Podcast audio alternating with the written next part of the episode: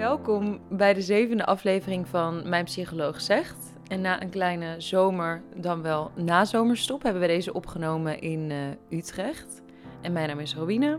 Mijn naam is Annetje. Mijn Psycholoog Zegt is een auditieve expeditie waarin wij twee jonge psychologen in gesprek gaan met inspirerende personen uit ons vakgebied. Met vragen, thema's en personen uit het veld waar wij meer over willen weten. En uh, daarmee willen we een openbaar werkboek maken voor onszelf, andere psychologen en eventueel andere geïnteresseerden. In deze aflevering gaan we in gesprek over de methode omdenken.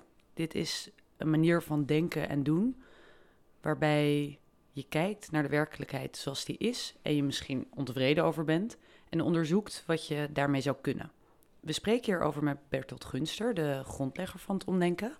Na zijn opleiding tot theaterregisseur werkte en schreef hij bij diverse theatergezelschappen. En met zijn team geeft hij sinds 2001 omdenktrainingen, shows, workshops aan bedrijven en particulieren. Bertolt schreef over het omdenken een aantal bestsellers, waardoor steeds meer mensen van een ja-maar manier naar een ja-en manier in het leven leren staan. En deze aflevering gaat dus over omdenken. Maar dan hebben we niet alleen omgedacht, maar hebben we ook daadwerkelijk onze gehele podcastopname omgebouwd. Want zoals verwacht liep alles anders. En normaliter vragen we onze gasten eerst naar uh, wie hen geïnspireerd hebben en waar cliënten of in het geval van Bertert dan meer cursisten de gast aan zouden uh, herkennen of hoe ze hem of haar zouden omschrijven. En in dit geval is er met dat eerste stukje opname iets niet helemaal goed gegaan. Voor de trouwe luisteraars, we worstelen wel eens vaker met het geluid, maar we willen jullie trommelviezen dit echt niet aandoen. Dus uh, zijn we in deze opname eigenlijk gelijk doorgegaan naar het hoofdthema van het gesprek, waar Bertolt wel goed op te horen is. En mochten jullie nou na dat stuk geen genoeg van hem kunnen krijgen, dan niet getreurd. Ook het eerste stukje opname, dus over zijn inspiratiebronnen en zijn stijl, hebben we aan het einde van de, van de opname geplakt. Wel op eigen risico af te luisteren, uh, maar dan weten jullie dat dat er ook uh, op staat. Tot zover de interruptie en nou, veel plezier met uh, Bertolt.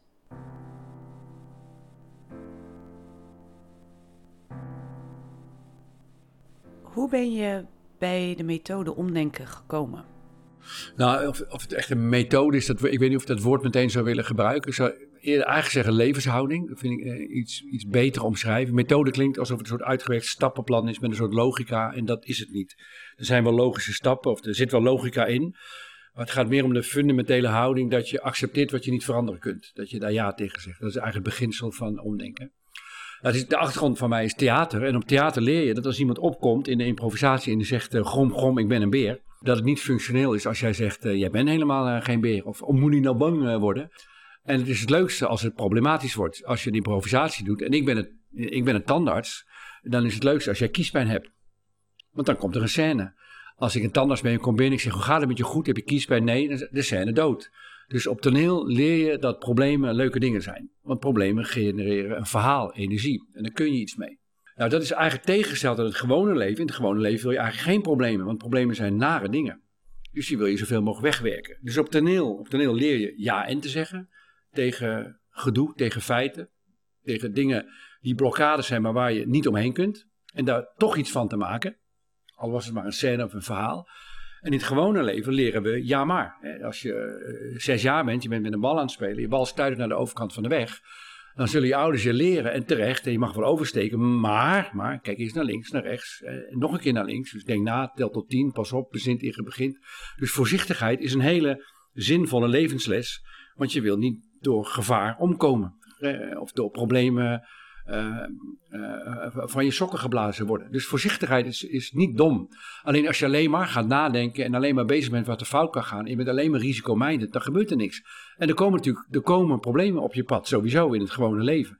Nou, op toneel leer ik als regisseur en, dat, dat je daar dus iets mee kunt. En, en eigenlijk die les kun je gaan vertalen naar het gewone leven dat als we met een probleem geconfronteerd worden, onze eerste neiging is het op te lossen. We willen dat het probleem weggaat. En het onderscheid tussen oplossen en omdenken is, cruciaal. Bij oplossen, in mijn definitie, wil je dat het probleem weg is. Het is opgelost, het gevaar is geweken, alles is weer zoals het was, alles is weer zoals het zou, zou moeten zijn. Zo definieer ik oplossen.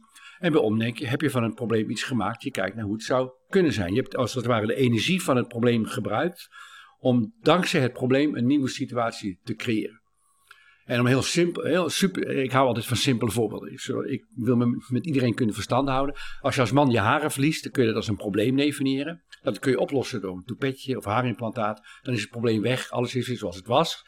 Dan is het opgelost. Nou, dat is prima. Er is niks mis met problemen oplossen. Je kunt het ook omdenken en zeggen: ik maak van kaal de mode. En als je jezelf een stoere kop vindt hebben, net als eh, Bruce Willis of uh, andere mensen met stoere kale hoofden, dan heb je het feit dat je je haren verliest weten om te denken tot een nieuwe mode. En het leuke is dan dat als je een probleem hebt omgedacht, dan wil je meer van het probleem. Dan wil je dus meer haarverlies. En eigenlijk is elke haar die je dan nog wel hebt, is dan een probleem. Dus het leuke is, als je een probleem weet om te denken, dat het probleem dus niet meer je vijand is, maar meteen je bondgenoot. Je wil meer van het probleem. Vanuit de podcast spreek je heel veel mensen met problemen. Zijn er hiervan verhalen of personen die je zijn bijgebleven? Nou, een verhaal waar ik meteen aan moet denken. Zijn moeder die had een, uh, een jongen, die was uh, uh, redelijk zwaar autistisch. ingewikkeld opvoeding, gedoe en het ouder. En op een gegeven moment kwam hij in een garage te werken. En had het ontzettend naar zijn zin. En, en hij had dus elke dag vieze handen. En echt zwart, met allemaal zwart onder zijn nagels. En ze vonden het echt verschrikkelijk dat hij zo vies uitzag. En uh, ze zat daar echt mee. Dat was haar startvraag van, van dat gesprek. Dus hoe, hoe, hoe, hoe kan ik hier nou, hoe kan ik het omdenken? Hoe moet ik hiermee omgaan? Ik vind het na. Dan ben ik op visite en dan loop je zo rond en ik schaam me voor hem. En toen, uh, nou, ik vertel het nu in een paar zinnen. Dat gesprek duurde wat langer. Maar de uitkomst was: wees er gewoon trots op. Zie die, zie die handen van die jongen als het feit dat hij gelukkig is. Want je wil toch dat hij gelukkig is? Dat is toch veel belangrijker dan dat hij voor de buitenwereld netjes handen was. En ze ging echt helemaal verlicht en blij weg. Van ik ben eigenlijk zo gelukkig met dat hij in een garage werkt en dat hij trots die handen zou laten zien. Nou, dat is een heel erg simpel voorbeeld. Maar haar hield dat enorm uh, bezig. En het probleem was dus weg. Nou, en dat is zo'n voorbeeld van ja, hoe meer vieze handen die jongen heeft, of vuile overal vanaf dat moment. Hoe trots ze op hem kan zijn, omdat hij, uh, omdat hij weggevonden heeft waar hij gelukkig van wordt. Je laatste boek, uh, Zoals verwacht loopt alles anders, gaat ook over hoe uh, problemen ontstaan. En dat probleem is ontstaan als een verwachting en een feit niet met elkaar in lijn zijn. Mm -hmm. Pleiten jullie daarmee ook voor het loslaten van verwachtingen? Nee, want dat kan niet. Je kan natuurlijk niet leven zonder verwachtingen. Verwacht dat er in de winkel boodschap, de, de supermarkt gevuld is en zo. Um, maar het inzicht aan een probleem, altijd een contradictie is tussen een feit en een verwachting, is, is cruciaal. Want je hebt dus twee variabelen, feiten die je kunt veranderen, maar je kunt ook je verwachting veranderen. En de feiten zijn we ons wel bewust van. De andere mensen, het weer, uh, de lekke band, dat, dat zie je. Feiten kun je is trouwens, gewoon de dingen zien zoals ze zijn, is ook al ongelooflijk ingewikkeld. We zien vaak wat we denken dat er is, en, uh, of wat we hopen dat er is. Maar goed, de feiten zien is nog wel redelijk te leren. Maar verwachtingen zien van jezelf en ook van anderen. Andere mensen hebben natuurlijk ook allemaal verwachtingen van jou, waardoor je allemaal problemen hebt. Maar heel veel verwachtingen zijn impliciet. Je denkt, ja, zo gaat dat toch gewoon, of zo doe je dat. Ja, dat mag je toch wel verwachten. Nee, dat mag je, je mag helemaal niets verwachten. Er is gewoon een wereld en daar ben jij en nou, daar gaan we dan. En uh, er ontstaat gedoe omdat mijn verwachtingen niet stroken met de feiten. Nou, dan de helft van het vraagstuk is minimaal zijn mijn verwachtingen. Dus is het, als je een probleem hebt, interessant om te kijken van wat, wat wil ik nou, wat is precies het probleem? Wat zijn precies de feiten? Wat zijn precies de daaraan tegengestelde verwachtingen? En vervolgens van hoe ga ik met die, dat, creëert spanning, spanning. Nou, die spanning tussen feiten en verwachtingen. Probleem is dus een spanning tussen feiten en verwachtingen. En de kunst is het om dat als creatieve energie te duiden. Het is interessant. Ik wil iets en het lukt niet. Ik heb een verwachting, maar de werkelijkheid is anders. Ik ben boos, gefrustreerd of ik, ik ben hoopvol. Daar kunnen alle emoties bij, maar dat genereert alle emoties. En de kunst is het die emoties als creërende, creatieve energie te ervaren, per definitie. Ook hoe ellendig het ook is, zolang ik gefrustreerd ben, wil ik iets. Uh, zit er een verlangen in mij. En uh, nou, de, dit inzicht dan een probleem, een feit, verwachting, tegenstelling is, dat leidde tot, dat beschrijf ik ook in een boek zoals Verwacht op alles anders, de, de matrix van het omdenken. Um, je kan dus op vier manieren met een probleem omgaan. Je kunt feiten veranderen en verwachtingen niet. Je kunt feiten niet veranderen wel. Nou, zo kom je, die kan je met elkaar kruisen. Dan kom je tot vier manieren. Oplossen. Bij oplossen pas je de feiten aan aan je verwachting. En je wil dat uh, je band, je moet het gewoon doen, is lekker band. En je band plak je dan en alles is weer zoals het zou moeten zijn. Het probleem is opgelost. De feiten zijn aangepast aan je verwachting. Dus oplossen, loslaten, dan gebeurt het tegenovergestelde. Daar accepteer je dat ja, je wordt ouder, sommige dingen kunnen niet meer. En door verwachtingen los te laten is een probleem verdwenen. Dan heb je waarnemen en dat is het lijkt het meest beklemmende, maar naar mijn overtuiging is het meest bevrijdende vak van de matrix waarnemen. Een probleem waarnemen betekent dat je niets aan een probleem kunt doen. Je kan alleen maar waarnemen, voor waarnemen dat je een probleem hebt. Denk bijvoorbeeld aan een chronische ziekte die gepaard gaat met pijn. Uh, dat is een probleem wat je elke dag hebt en waar je last van hebt, wat pijn doet en wat je dus niet los kunt laten. Nou, dat lijkt het meest beklemmende vak van de matrix te zijn, omdat je niets kunt. Je bent machteloos. Maar naar mijn overtuiging is dat het meest bevrijdende vak in potentie. Omdat wat daar vaak gebeurt, dat noem ik eh, frustratie over de frustratie. Dus je hebt een probleem waar je niets aan kunt doen. En dat is irritant, dus dan wil je dat oplossen. Maar dat werkt niet. En dan ben je geïrriteerd dat je niet kunt oplossen. Dus ik kan het niet oplossen. Irritant. Nou, vervolgens vind je dan, en dan komt er een, komen allemaal leemlagen bij. Dan vind je het, als je hebt het opgelost, het lukt dan niet, dat je het los moet laten. Dat lukt dan ook niet loslaten, want het is een probleem waar je niets aan kunt doen. Dat was de start ervan. Het lukt je niet om het los te laten. Dan vind je zelf een sukkel dat je het niet los kunt laten. Waarom kan ik dit nou gewoon niet loslaten? Vervolgens vind je van jezelf dat je zelf niet een sukkel zou moeten vinden. Ja, dit is nou eenmaal ingewikkeld. Waarom vind ik mezelf nou een sukkel? Ik heb altijd zulke negatieve oordelen over mezelf. Dus eigenlijk, en dat is heel tragisch, dat elke poging het probleem op te lossen maakt een nieuwe leemlaag van frustratie erbij. Ellende op ellende, gepieker over pieker, gedoe over gedoe. Allemaal leemlagen frustratie, frustratie. En daar kom je niet uit. en waarom kom je daar niet uit? Omdat in beginsel het probleem onoplosbaar Je kan er niks mee. Dat is het startpunt. Dus daar heb je de geweldige levensregel voor bedacht. Die heet shit, dus S-H-I-T, shit, punt. En daarmee bedoel ik, het is een probleem. Het is ook echt een probleem. Ik kan het niet loslaten. Maar daarna, punt. Ik kan wel besluiten er geen probleem van te maken dat ik een probleem heb. En naar mijn overtuiging is dat het meest bevrijdende wat je in het leven kunt doen als je geconfronteerd wordt met problemen waar je niets aan kunt doen. Dus dat je niet jezelf een soort lulverhaal vertelt, nou ik moet dit loslaten. Vaak lukt dat gewoon niet. Maar shitpunt. En om het te illustreren met een, uh, met een, met een voorbeeld. Er was eens een uh, uh, kennis van ons, oudere, oudere vrouw, op latere leeftijd verloor ze haar man. totaal onverwachts, hersenbloeding, onaangekondigd. Nou, traumatische ervaring. Maar ze had liefdevolle kinderen, werd opgenomen in een warm netwerk van vrienden en familieleden. Nou, dus in die zin voelde zich enorm gesteund, maar het was natuurlijk een traumatische ervaring. Opeens was ze weduwe. Nou, na verloop van een aantal maanden wilde zij het leven weer hervatten, maar dat lukte haar niet. En ze wilde de draad oppakken, maar ze kon het gewoon niet. En ze was ook boos op zichzelf, want ze wist, ja, mijn overleden man zou niets liever gewild hebben dan dat ik gewoon weer gelukkig zou worden. Maar het lukte haar niet. Dus ze was boos over dat ze dat probleem niet kon loslaten, oplossen, whatever.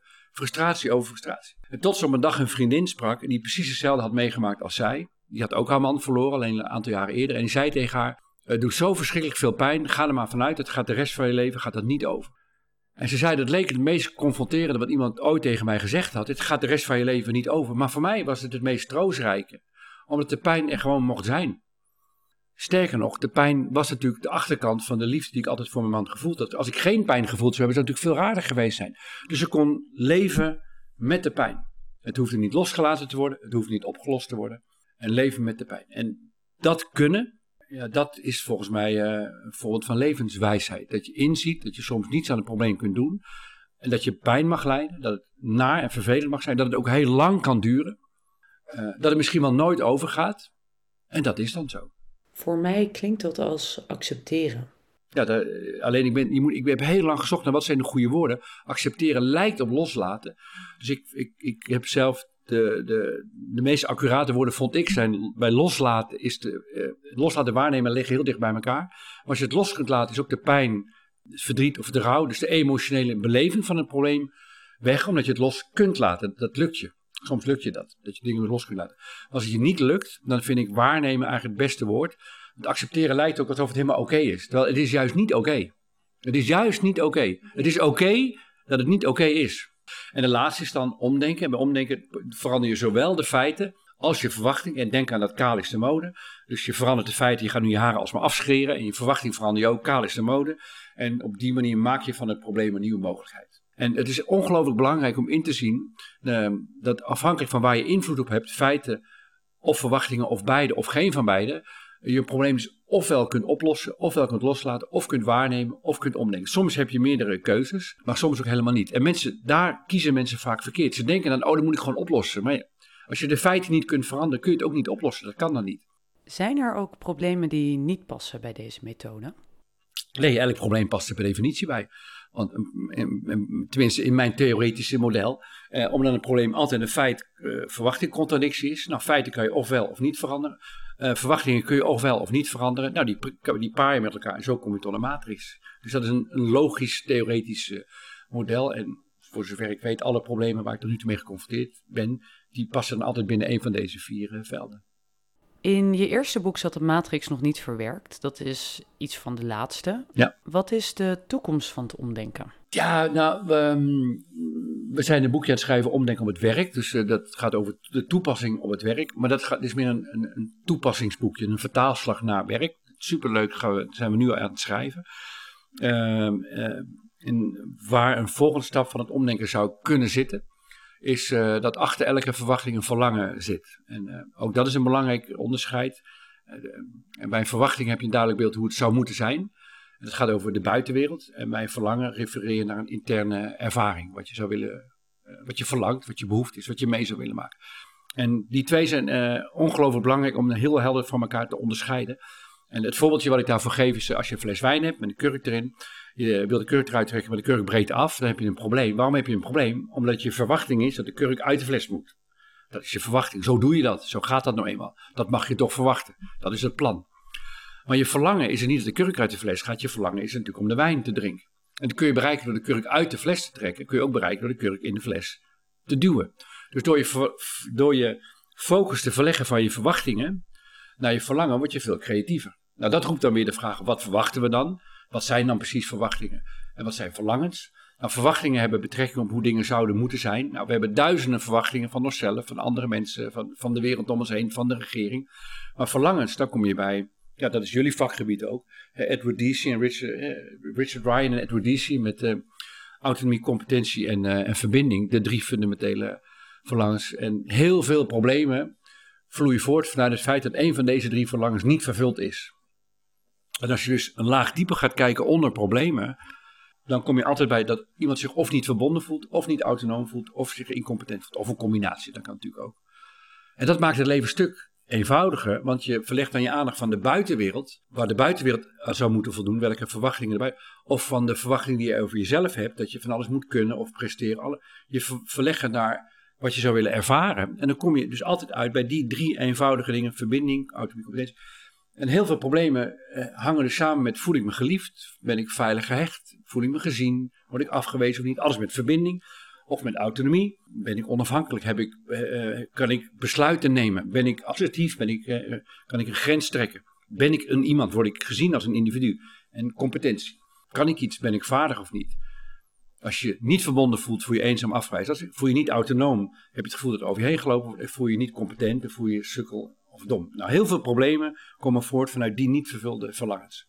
En de verdiepingsslag van het omdenken zit er dus in, dat beschrijven al wel wat in, zoals verwacht op alles anders, dat je dus niet alleen maar kijkt naar de feiten, maar eerst kijkt naar de verwachtingen, want een probleem is een feit-verwachting tegenstelling, maar dan een laag dieper gaat, welk onvervuld verlangen zit er achter dit probleem?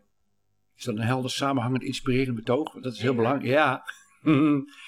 Heb jij nog een vraag, Robin? Want we gaan een beetje richting het einde. Zeker, ja. Ik heb uh, inderdaad nog een vraag. Uh, we hebben namelijk ook een voorgesprekje gehad met z'n drieën. Over de LSD. Toen vertelden we wie wij als volgende gast hebben. Uh, we gaan namelijk ho hoogleraar Erik Vermette spreken over therapie met uh, nieuwere geneesmiddelen en psychedelica. Spannend. Ja, daar was jij heel enthousiast over. Heel tof. En daar had je ook een heel mooi voorbeeld bij. zou je dat hier met ons willen delen? Ja, nou, ik, ehm, ik, ik, mijn interessegebied is gewoon de menselijke veranderingen, psyche en hoe we dingen doen. En vooral dat we ons met heel veel gedoe door het leven harken en of dat niet gewoon wat kan. Dat is mijn levensmissie, zou je kunnen zeggen.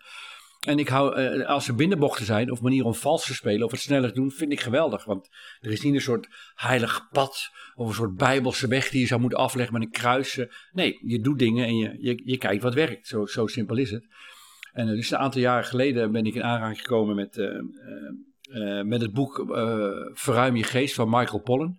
Ook lees dit boek, lieve mensen, als je luistert. Echt super vet boek over het gebruik van MDMA, paddo's, truffels, de geestverruimende drugs. Dus niet ecstasy of niet partydrugs of party drugs of GHB, maar geestverruimende drugs. En uh, dus ik de hele lezen, lezen, lezen, lezen. Toen dacht ik, nou ga proberen. De proof of the pudding is in the eating. Dus een aantal sessies zelf gedaan met de LSD. En om een lang verhaal kort te maken, wij hebben anderhalf jaar een pleegzoon in huis gehad. Komt uit een hele problematische achtergrond. Uh, moeder zwaar aan de, aan de drank en de drugs. Uh, op jonge leeftijd al. Nou, echt een, nou, je kan wel zeggen een fucked up achtergrond. Hij zal het zelf beamen. Um, nou, hij is toen hij zes jaar was bij ons gekomen anderhalf jaar bij ons gewoond. Toen we teruggaan naar zijn moeder, allemaal in overleg. Nou, prima gegaan. Maar op latere, we hebben steeds contact met hem gehouden. Op latere leeftijd kreeg hij zware klachten, depressies, uh, fysiek pijn. Alsof hij een soort panzer om zijn bovenlichaam had, zo'n zo knellend. We hebben het uh, voor beide behandeld. Liep ook bij een psycholoog, en voerde gesprekken. Nou, dat ging allemaal heel erg oké. maar zijn depressie was echt heel erg zwaar. En, en hij had zoveel fysieke pijn dat hij soms dagenlang op bed lag, omdat hij gewoon niet uit zijn bed kon komen van de pijn. En natuurlijk vertelde hem dat met LSD vaak hele opzienbare resultaten behaald worden. Met name als het gaat om dit soort zware en diepe trauma's. En of hij dat een keer uh, wilde proberen met mij. Dus nou, hij had zelf wel eens een keer LSD gebruikt, maar een hele lichte dosering. En, dus hij stond daar heel erg open voor. Dus we hebben een sessie gedaan en later nog een sessie, twee keer in totaal. En, ehm, en het was echt een ja, overrompelende, transformerende ervaring voor hem. Ik zat erbij als tripzitter, heet dat dan. Tripzitter gebruik je niet. Uiteraard niet. Iemand bij om, uh, om het boel een beetje in de gaten te houden. Om te zorgen voor eten, drinken, dat de omgeving rustig is. Dat was ik dan. En zo'n sessie duurt dan um, een uur of elf, heel erg lang. Voor de LSD is uitgewerkt. Netjes laten testen, dat je veilig spullen in huis hebt. En op een gegeven moment zat hij tijdens die eerste sessie zat hij boven een, zat hij te kijken naar een kopje thee. Hoe dat, uh, de damp zo opkringelde. En hij zat helemaal gelukzalig te kijken naar de vorm, de vorm die dat had zo. Ik kon er helemaal van, van in, ging helemaal in op en genoot. En hij zei toen van, ik heb mijn hele leven nog nooit zo rustig gevoeld als nu. En we bleven ook de hele tijd met elkaar in gesprek. Voor de mensen die niet weten hoe LSD werkt. Je bent gewoon helder en heel veel dingen doen het prima. Je zintuigen doen het heel erg goed. En je kunt dus ook een heel erg goed gesprek met iemand voeren die in, uh, in zo'n LSD-sessie, trip zit. En uh, dus hij kwam heel rustig kwam hij eruit. Ik heb hem toen naar huis uh, gebracht met de auto s'avonds. En, uh, en zijn depressie was weg, gewoon over. En dat is nu uh, meer dan een jaar geleden, is nog steeds weg. Zijn pijnen waren ook weg, echt van de een op de andere dag. Die zijn later wel weer teruggekomen, wel in mindere vorm. dus dat is wel jammer dat het niet ook helemaal weg is. Maar zijn depressie is gewoon weg en helemaal nooit meer teruggekomen. Dus ja, ik denk dat er een wereld te winnen is. Dus daarom ben ik ook heel erg benieuwd naar jullie volgende gast. Een wereld te winnen is als we durven als samenleving op grotere schaal hier experimenten mee te doen. Te kijken bij wie werkt dit wel, bij wie werkt dit niet. Bij wie moet je contra-indicatie, dat het beter is, beter is van niet. Uh, ik ben ook geen deskundige. Uh, dus, maar dat er heel veel onderzoek naar gedaan wordt, ja, super. Dus lieve mensen die naar deze podcast luisteren, luister ook naar de volgende, want ik beveel hem nu al blindelings uh, aan. Ja, dankjewel ik, ik vind het mooie in wat je vertelde ook dat hij uh, later na die trip terug kon gaan naar de rust die hij ervaarde tijdens die trip. Dat, dat dat beeld van het kopje thee, dat dat hem later ook nog steeds rust geeft. Ja, dat was echt voor hem een anker geworden. Hij, uh, hij woont uh, vlakbij uh, Harderwijk, heeft een huis in, in, een bosrijke omgeving. Dan zeg je, nou dan ga ik voor de ramen zitten en ik kijk naar een boom. En hoe die blaadjes waaien en hoe vogeltjes voorbij komen. Daar kan ik helemaal van genieten. Dus dat is helemaal een nieuw verbinding en met de werkelijkheid en realisatie van de, wat fijn de wereld is. En hoe aangenaam het is om daar gewoon in op te gaan. Bijzonder, hè? Zeker. En waar we daarnaast graag mee zouden willen afsluiten is of jij nog advies hebt voor uh, jonge startende psychologen. Ik heb, ik heb een advies en uh, uh, dat vind ik wel een leuke gedachte om sowieso in het leven te staan en, en ook in je beroep te staan. Um, en de gedachte is, leef het leven als een spel. En als een spel, gewoon een spel. Zoals je, mensen zeggen je niet. Laten we zeggen, mensen zeggen je niet. En uh, waarom is het leuk om het leven als een spel te zien? Het hele leven, dat bedoel ik het hele leven. Maar ook uh, elke ontmoeting met een cliënt of uh, alles wat je op je werk doet om het als spel te benaderen.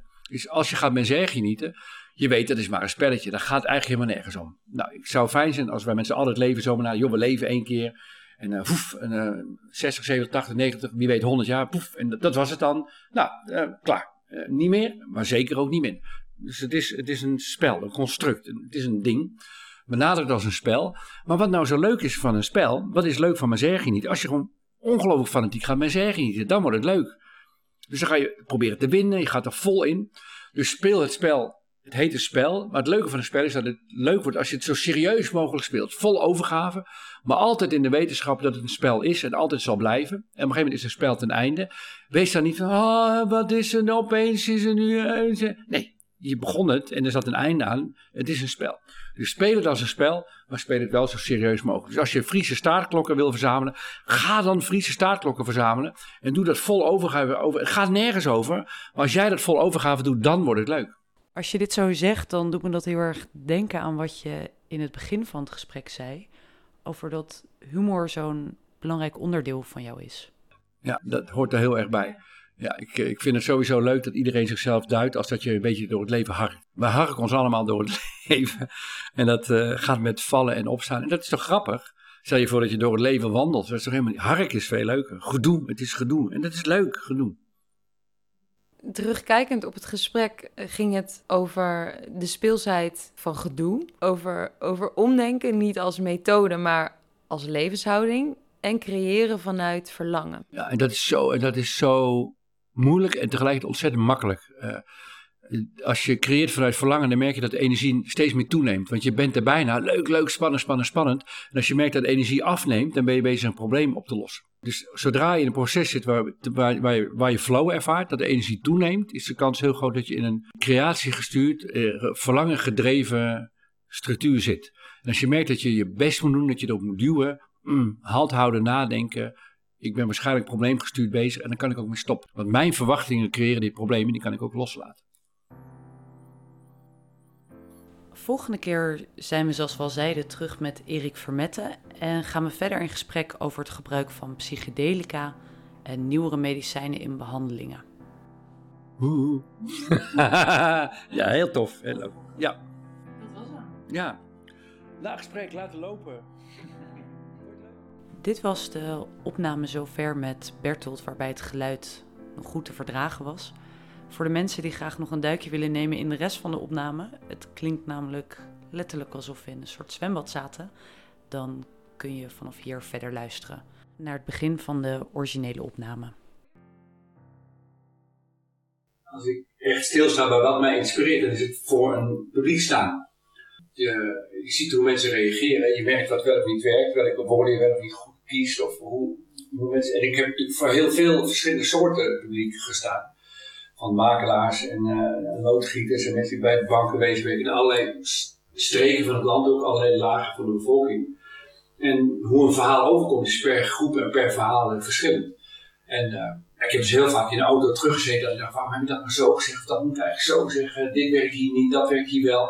Um, en dat aanscherpen van hoe je een gedachtegoed zo onder woorden kunt brengen naar dat zoveel mogelijk, dat is altijd mijn doel geweest, dat zoveel mogelijk mensen het uh, begrijpen.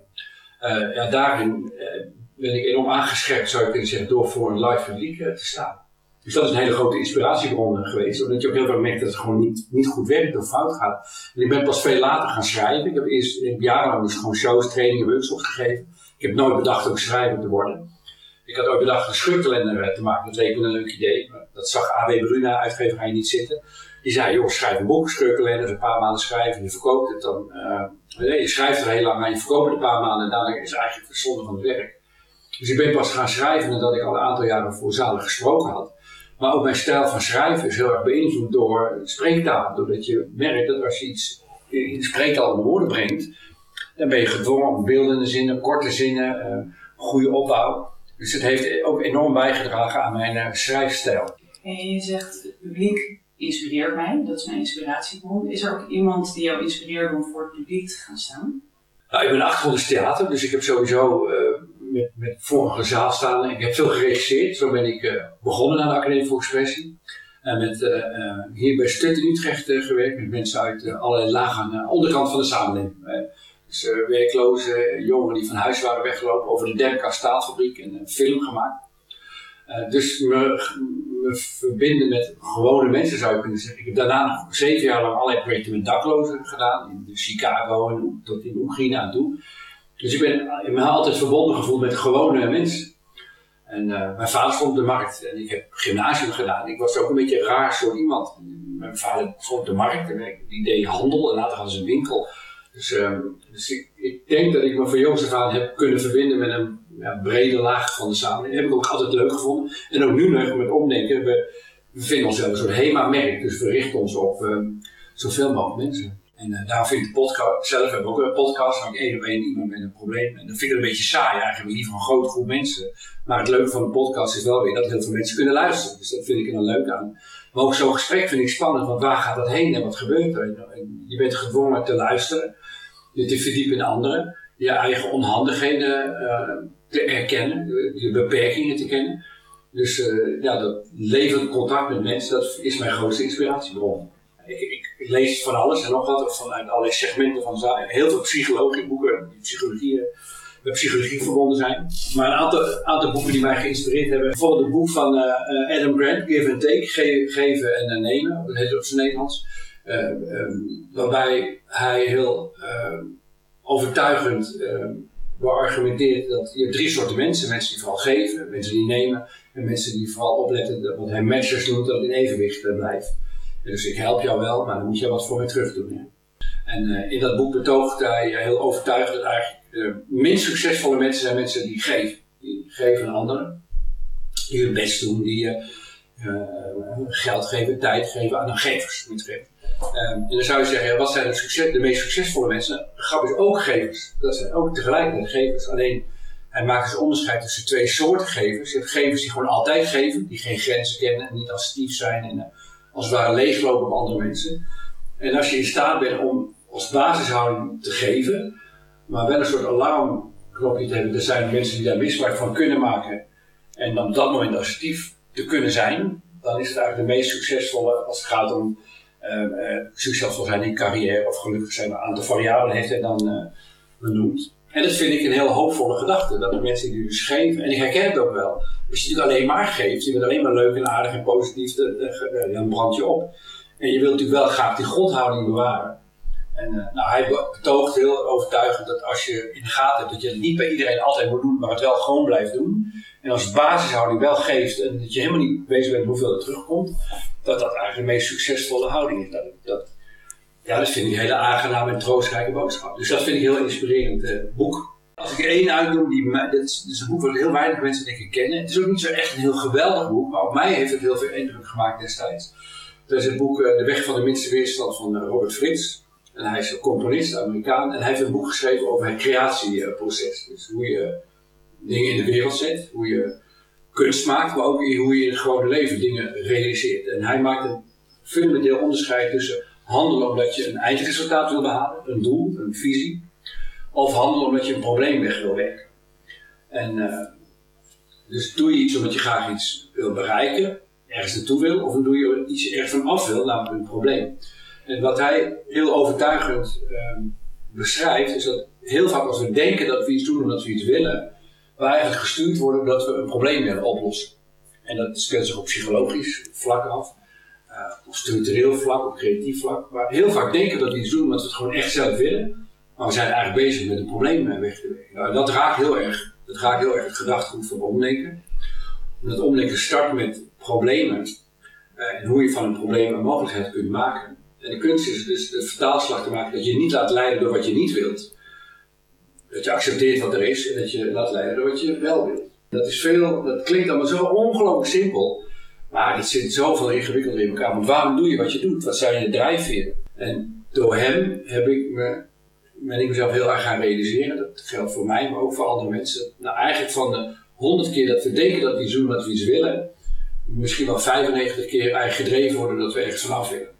Dat we bijvoorbeeld een, we maken, we, zijn heel, we maken heel erg indruk met een praatje, we hebben hele intelligente woorden. We denken dan, nou, ik wil een intelligent praatje houden. Maar je bent eigenlijk bezig een negatief zelfbeeld dat je misschien met een bom zou overkomen te blussen of te dempen. Of dat ze dat niet van je in de gaten bijvoorbeeld.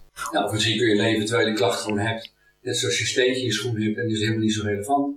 En door iets heel groots in je leven te bouwen waar je zin in hebt, wat je leuk vindt. En dat komt vanuit de authentiek verlangen. Misschien is de klacht dan gewoon totaal irrelevant. Dat zou kunnen. Dat zou het belangrijkste is dat hij je dwingt om als je zegt dat je iets wilt, een intern heel grondig onderzoek te doen naar wat is jouw motief. Wat is je motief? En dan, en dan haal ik wat ik net zeg, in 90 van de 100 gevallen is je motief helemaal niet dat je iets graag wil, maar dat je vooral iets niet wil. En dat dwingt dan tot contemplatie, want hoe graag wil je dan, wat, wat wil je dan wel? Ja, als je weet wat je niet wil, is leuk, maar dan heb je eigenlijk weinig aan het leven. Het is fijner als je weet wat je wel wil. Dan kan je, gaan, dan kan je eh, aan het stuur gaan zitten, dan kan je een plan maken. En de grap is, dat kende ik, en daarom heeft dat boek op mij toen zo'n indruk gemaakt. Vanuit het theater ken ik dat wel. Je hebt een deadline en je gaat iets maken en dan ga je nou, je, gaat er, je gaat naartoe werken. Je ziet van tevoren voor je hoe het er heel stuk uitziet en dan ga je, dan ga je regisseren, maken. En dan ga je hem inkleuren, op een gegeven moment is het er dan. En, uh, en tot dat, in theater kon ik dat. Vanuit dat vak kon ik dingen maken, dingen creëren. Maar in mijn gewone leven had ik een soort basishouding van, nou, er komen dingen op je af, andere mensen, die willen dingen van je je hebt eisen of verlangens en die wil je aardig zijn, goed overkomen. Dus in het gewone leven was ik bezig met te dealen met alle variabelen om me heen. En ja, het leven op me af te laten komen. En door dat boek realiseerde ik me eigenlijk wat ik kan als regisseur. Gewoon theatervoorstelling produceren, maken, bedenken. Dat kan je zo in je gewone leven doen. Je kan bedenken, nou ik ga zo en zo'n soort vakantie doen. En dat ziet er zo en zo uit en dan maak je er een plan van. En dan ga je het gewoon doen, klaar. En zo simpel is het dan. En juist dat als dan, als dan is ook interessant. Want heel vaak doen we dingen, als ik dan en dan. En hij zegt, pas als je geen als dan meer hebt, als je, als je zegt waarom doe je het, ja, omdat ik het gewoon doen. En wat vind je het leuk? Ja, ik vind het leuk. Ja, maar waarom vind je het leuk? Zolang je waarom hebt, is het een als dan. En dan ben je eigenlijk nog steeds bezig, als je niet oppast, een achterliggend probleem op te lossen. En het leuke is, pas als je niet kunt benoemen waarom je precies wil, gewoon omdat je denkt, ja, dat lijkt me leuk dan is het in zijn definitie, ik sluit me daar weer aan, een creatie. Dan is het iets wat echt voorkomt vanuit verlangen en niet vanuit angst. Vanuit willen en niet vanuit moeten. Ja, en, en, ik denk dat zelfs als we heel vaak denken dat we weten wat we willen, uh, dat omdat we onze eigen motieven niet goed genoeg kennen, nog steeds bezig zijn te voldoen aan wensen van anderen, verwachtingen van anderen, maar heel, heel vaak de verwachtingen van onszelf. Uh, dus dat zelfonderzoek is, is cruciaal. Dus uh, het is heel fijn om boos te zijn gefrustreerd te zijn of geïrriteerd te zijn. Dat vind ik een hele fijne emotie. Dat betekent dat je iets niet wil, of dat iets, iets irriteert je. En uh, dan helpt een hulpzin, is, uh, vind ik een hele fijne hulpzin, daar ben ik niet voor geboren. Hier ben ik niet voor geboren. Als ik iets moet doen, of van mezelf iets moet doen, of als ik in een situatie ben waarvan ik denk, wil ik dat nou wel? Dan ik, ben ik hier nou voor geboren? Dat is een hele grote vraag. Dat is een hele fijne hulpvraag. Nou, heel vaak is het antwoord nee, hier ben ik, hier ben ik niet voor geboren. Dat betekent niet dat ik dan dat nou niet meer doe. Want ja, soms moet je gewoon boodschappen doen. En daar ben ik ook niet voor geboren. Maar met name als het gaat om interactie met andere mensen. Of als je eh, gedoe in relaties of met kinderen. En er komen dingen op je pad. Uh, uh, is dit wat ik echt wil? Ben ik hier nou voor geboren? Word ik hier blij van? En dat is make me happy. Fijn zien, maar ben je hier blij van? Maar zo niet, dan ja, moet je niet gewoon stoppen. Stoppen met dingen ook onvoorstelbaar belangrijk in het leven. Om met dingen te stoppen. Carrières, relaties. Liever niet, liever niet. Maar wel met patronen binnen relaties. Dat liever wel. Dus voor je het weet maken we allemaal verwachtingen waar ons leven aan moet voldoen. En van die verwachtingen maken we een soort succesformules. En we denken, als ik dat plan maar volg, dan komt het allemaal wel goed. Ja, totdat je gaat irriteren. Dat is een fijne emotie. Wat je nu vertelt zegt ook al heel veel over hoe jij bent als, als persoon en, ook in je werk. Waar kunnen mensen die bij jou bijvoorbeeld een cursus gevolgd hebben of die bij jou een sessie in de podcast uh, gevolgd hebben, hoe zouden zij jou omschrijven? Waar, waar kunnen we jou aan herkennen? Nou, hopelijk, uh, hopelijk aan uh, humor is heel belangrijk. Humor. Kijk, je kan het leven als, als, als er problemen zijn, dan kan je het als een tragedie of als een komedie benaderen. En ik vind komedie van een veel grotere wijsheid en intelligentie getuigen dan een tragedie, want komedie sluit ook uh, treurigheid in. Tragedie in. Maar tragedie sluit geen humor in. Tragedie, triest is gewoon triest, en treurig is treurig, pijn is gewoon pijn. Maar uh, humor is uh, met afstand naar jezelf kijken, met relativering naar kijken, met plezier naar kunnen kijken. En als je, uh, als je het op een goede manier doet, als het dus geen cynisme wordt, dan sluit humor ook pijn en verdriet in. Dus naar het leven kunnen kijken van een afstandje, dat zien als een, als een komedie, kunnen lachen om je ellende. ja, dat vind ik heel fijn. Ik had een keer gesprek met, uh, een toneelstuk gemaakt met de daklozen, jaren geleden, jaren, twintig jaar geleden Daar we boeken over gelezen. En ja, als je aan de drugs bent, dan ga je natuurlijk eh, van alles stelen. Ook uh, spullen van je ouders en trouwringen van je ouders desnoods. En toen sprak ik met een jongen die ook verslaafd was. En, een hele gesprek met elkaar. Wat heb je dan gedaan en hoe voorzie je jezelf in je onderhoud? En, nou, hij vertelde wat. Ik zei, joh, heb je ook de trouwringen van je ouders gestolen soms? En toen zei hij, ja. En hij was op dat moment heel verdrietig. Dat begrijp ik. Dat is natuurlijk heel treurig als je dat doet. Maar ik kon, ook, ik kon er zelf heel gewoon lachen. Maar ik kon ook met hem zo over in gesprek gaan. Dat, en dat is een heel fijn gevoelig iets. Want je moet, je moet niet iemand uitlachen. Dus met zo iemand dan dat met een goede verbinding te houden. Maar ik was in staat om dan met hem heel erg veel plezier te hebben over het feit dat als je aan de drugs bent en je hebt geld nodig, dat je dan hele erge dingen gaat doen. En dat is heel erg pijnlijk. En tegelijkertijd heel erg komisch, want zo werkt dat patroon nou eenmaal.